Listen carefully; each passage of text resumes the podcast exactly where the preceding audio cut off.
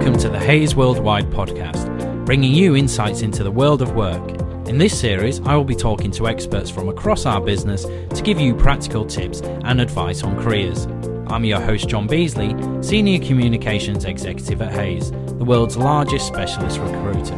In this month's episode, I will be speaking to Robby Vanuxem, Managing Director of Hays Belgium. Using his 15 years of experience in the recruitment industry, Robby is going to talk to us about how best to prepare for a job interview and help you make a success of it.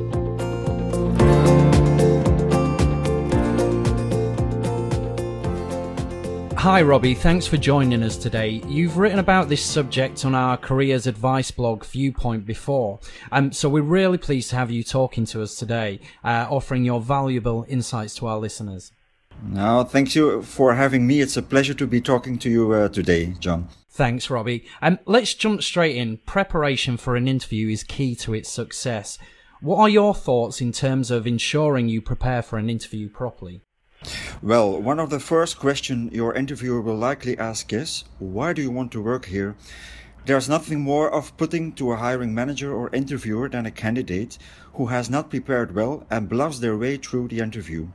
Uh, bear in mind that by researching the company well and then being clear in your answers, you are es- essentially communicating to the interviewer that you are 100% interested in the role and the company, and that you are taking the interview quite seriously. Furthermore, I think going into the interview room fully prepared will also make you feel more confident, enable you to do yourself justice during the meeting, uh, because as cliched as this saying may be, it's for a reason if you fail to prepare, you're essentially preparing to fail. Thanks. And um, where should a candidate start when preparing for a job interview? So, one of the most uh, important elements is to research the company. So, candidates uh, should start a preparation there. This is very important. I think even a must. If you were to ask a question you should already know the answer to, through research into the organization and team, for example, this will be a red light that you haven't conducted good research. Through good research, you should also come to understand the organization products or services, its brand proposition, and its objectives, which help you articulate during the interview why you are so interested in a role at this company. But of course, your responses need to be personalized and work examples need to be applicable to the role where possible. Thanks, Robby. Some uh, some great advice there. And how would you recommend candidates go about researching a company before the interview? So I think there is a number of routes you can take when researching a business. I fully recommend you go through each of these to ensure you have learned everything you can. Firstly, check out social media. You should search for the organization and your interviewer on LinkedIn. That's important. Like the organization on Facebook and follow them on Twitter so you are up to date with their latest news. I think, secondly, Google is your friend. Search for the organization and the interviewer online, just like your social media research, because you are looking for information about the organization. So, this could include recent executive level appointments, but also expansion or new products or services. Then there's obviously the organization website, which will give you more detailed news and crucially, insight into its culture, recent projects, and awards. But uh, last but not least, uh, use websites like Glassdoor because they can provide further information about an organization that can't be discovered on their website or social media pages.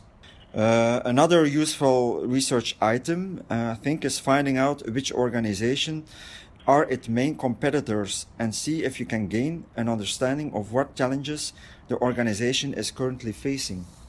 Uh, important when carry, carrying out your research is to think about how you can demonstrate how your skills could add value to that organization and show an understanding of the vacancy role in helping the organization to achieve its objectives.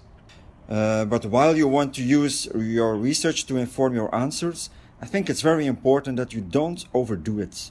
It's acceptable to tell an interviewer you read about their recent product launch and thought it was done very well, but don't start picking it apart or telling them what they could have done better. Because trying to find faults in the organization won't go down well. Thanks, Robby. Now the candidate has researched the company. How else should they prepare for, for the interview? A key part of interview successes uh, is taking the time beforehand to really understand what you are good at, so that you are, can effectively sell yourself during the interview.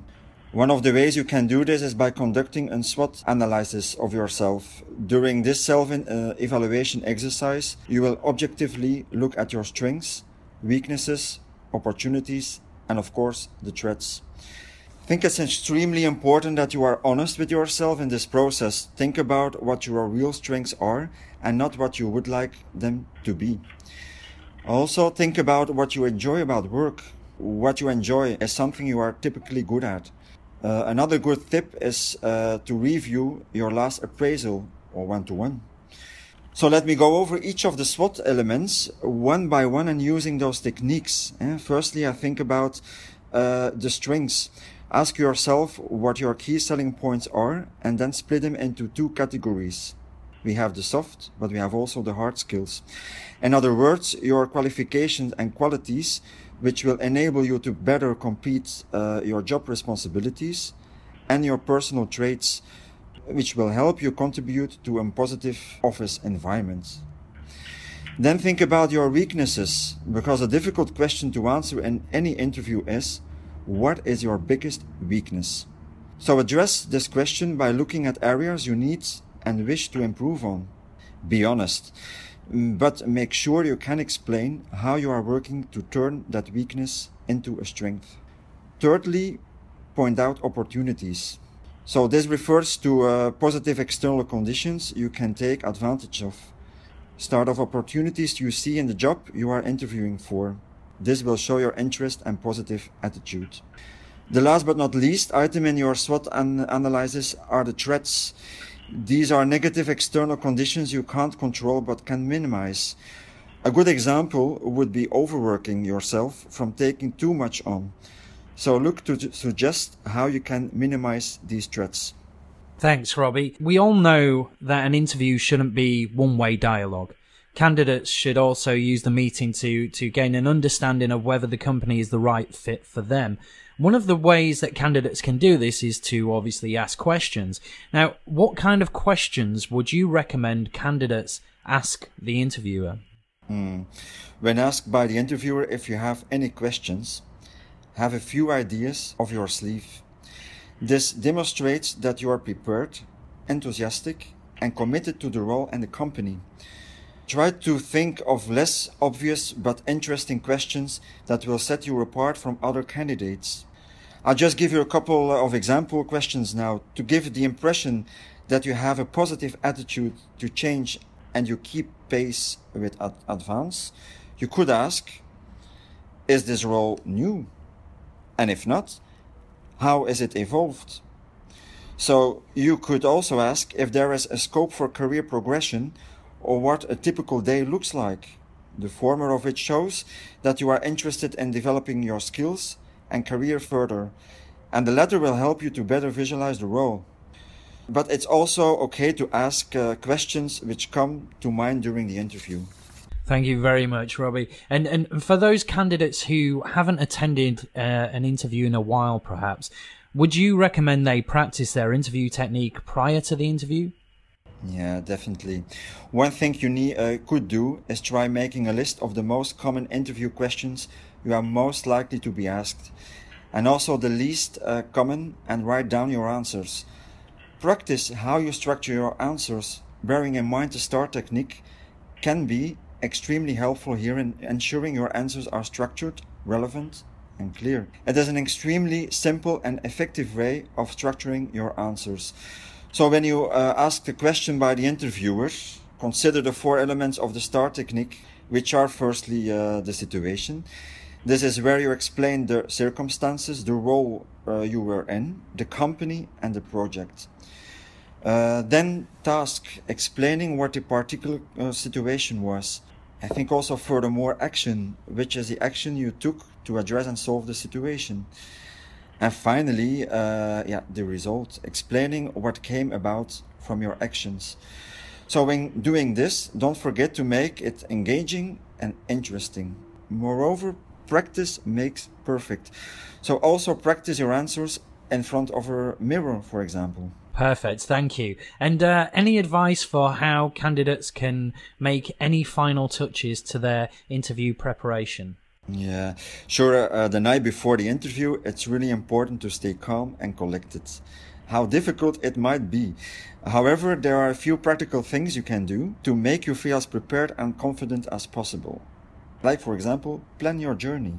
Make sure you know where you have to be, at what time, and how long it takes uh, to you uh, to get there.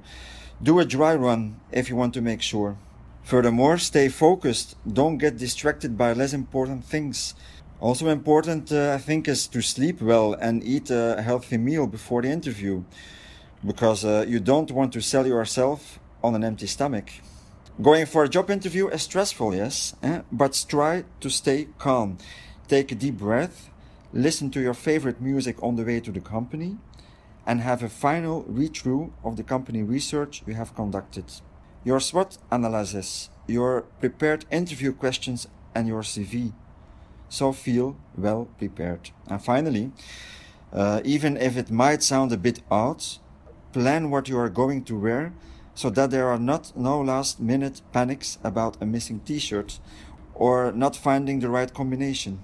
Perfect. Thank you, Robby. And uh, finally, this is this is a this is a question that we ask all our guests. What's the best piece of careers advice you could give?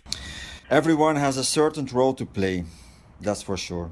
And this means that there are certain power relations where candidates tend to see the interviewer as an authority. But that shouldn't be the case because candidates can might as well run into the same interviewer in a bar a few days before, not knowing who he or she is, and have a beer together. In that case, uh, the candidate would not feel impressed. So candidates should forget the apparent power relation during interviews. They can do that by just imagining they are at a restaurant or in a hotel lobby, having a casual chat with the interviewer. Think about how you would behave if you, by consequences, meet a decision maker at a firm where you, you might like to work and start talking about yourself and what you do, no strings attached. This will make uh, you feel more relaxed and confident than when you see the interviewer as an authority who decides how your career will evolve. Thank you. That's some uh, fantastic advice there, Robby. Thank you very much for joining us today. Thank you. Thank you for listening to the Hays Worldwide podcast. Look out for next month's episode for further insights into the world of work. In the meantime, subscribe to the Hays Worldwide podcast to receive the latest episode direct to your device. And for more expert advice, visit haysplc.com forward slash viewpoint to see the latest from our careers advice blog.